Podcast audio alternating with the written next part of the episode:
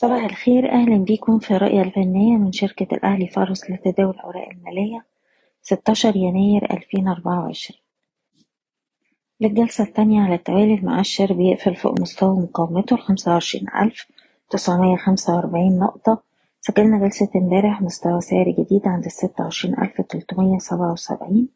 وقفلنا الجلسة على ارتفاع واحد في المية بالقرب من أعلى مستويات الجلسة. عند ستة وعشرين ألف ميتين وخمسين نقطة وأحجام التداول امبارح كانت مرتفعة بشكل ملحوظ.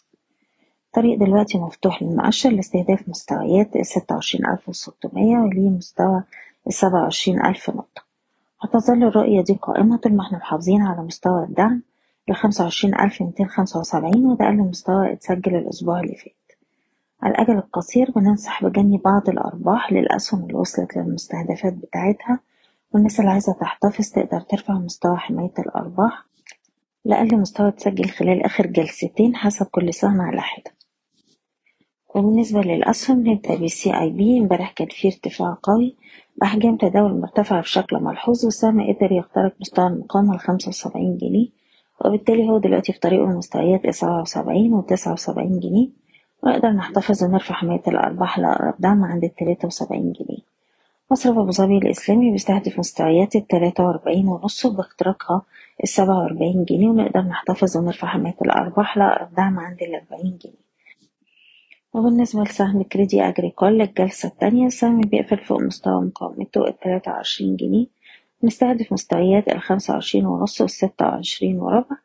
أي تهدية هتبقى فرص لإعادة الشراء ونقدر نحتفظ ونرفع حماية الأرباح لمستوى الواحد وعشرين ونص.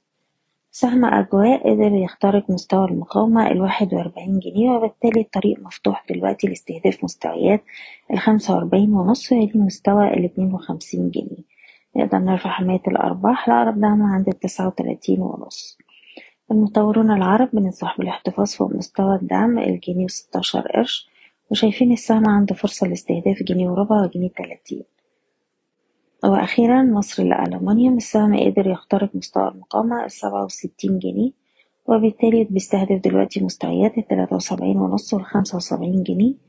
نقدر نحتفظ ونرفع حماية الأرباح لأقرب دعم حوالين الستة وستين جنيه. بشكركم بتمنى لكم التوفيق. إيضاح الشركة غير مسؤولة عن أي قرارات استثمارية يتم اتخاذها بناء على هذا التسجيل.